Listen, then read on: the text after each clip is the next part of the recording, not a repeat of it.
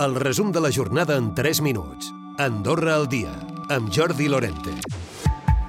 Aquest dijous no obriran les escoles franceses d'elemental i maternal d'Andorra la Vella i les primàries d'en Camp i Santa Coloma, tot plegat per la vaga dels sindicats eh, de l'ensenyament a França.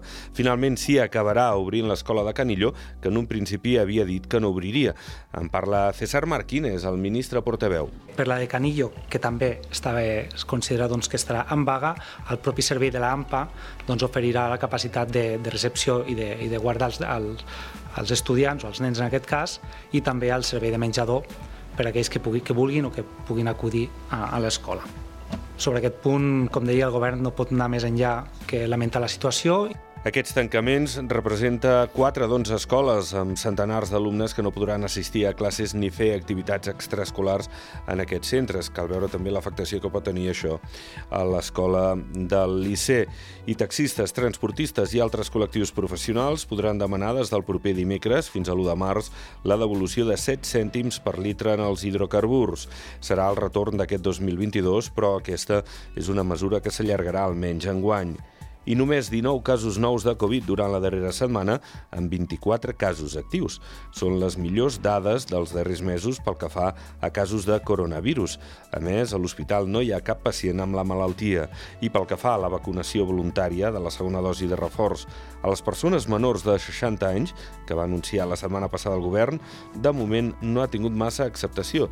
Tornem a escoltar César Marquina. El volum de, de, de quartes dosis eh, que s'hagin eh, administrat fins al moment és de 2.226, eh, tot just són 100, 130 dosis més que la setmana anterior quan ho vam anunciar.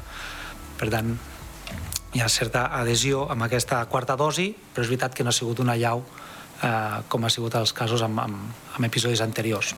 L'acord d'associació amb la Unió Europea és necessari per Andorra i pel sector bancari, tot i el perjudici de l'arribada de sucursals estrangeres.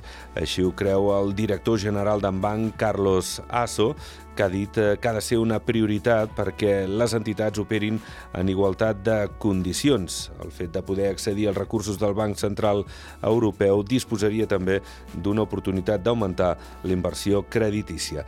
Escoltem el director general, el CEO d'en Banc, Carlos Asso. Si no hi ha això, hi ha un risc. Hi ha un risc de manifest que, que, que vinguin altres bancs i que portin el negoci i que deixin això molt debilitat. Andorra, sense aquest recolzament, li costarà donar el crèdit que podria necessitar per financiar projectes que puguin sortir d'energia, de turisme o d'altres coses que siguin importants pel país. L'Institut de l'Habitatge ha adjudicat els 20 pisos socials de l'edifici Armor de Ciutat de Valls. Ho fa, això sí, amb cert retard, i és que l'objectiu, quan es va presentar, era que les famílies s'hi comencessin a instal·lar a mitjan setembre. Recupera el resum de la jornada cada dia a Andorra Difusió.